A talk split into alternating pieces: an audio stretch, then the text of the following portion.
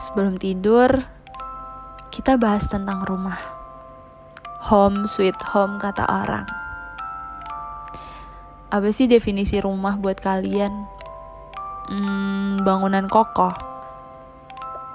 perabotan mewah, ruangan terang benderang, atau sebuah pelukan hangat setelah lelah melanda harimu. Aku masih inget banget dulu waktu aku kecil, Aku mendefinisikan rumah sebagai tempat untuk pulang. Iya, tempat. Kalian gak salah denger kok. Ingat banget waktu masih TK, aku selalu gambar rumah dengan atap segitiga, lengkap dengan satu pintu dan satu jendela. Lucu sih kalau diingat-ingat. Ya, karena pemikiran aku sebagai anak kecil, rumah itu kayak gitu.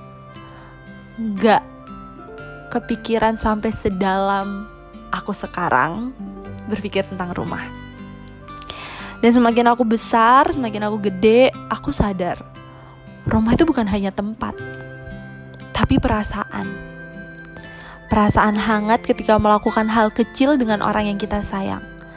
Simple, tapi benar-benar bermakna buat kita. Perasaan hangat yang jujur rasanya bener-bener ngebuat kita ngerasa aman ada di sana. Cuman kalau misalnya ditanyain sekarang, gimana sih definisi rumah menurut aku? Aku masih belum bisa mastiin dan mendefinisikan apa sih arti rumah buat aku. Tapi yang jelas, menurut aku, Rumah bukan lagi bangunan satu pintu, satu jendela lengkap dengan atap segitiganya yang jadi pandangan aku waktu aku kecil. Karena semakin hari, aku semakin merindukan rumahku. Perasaan aman, tenang, ketika deket sama orang yang kita sayang.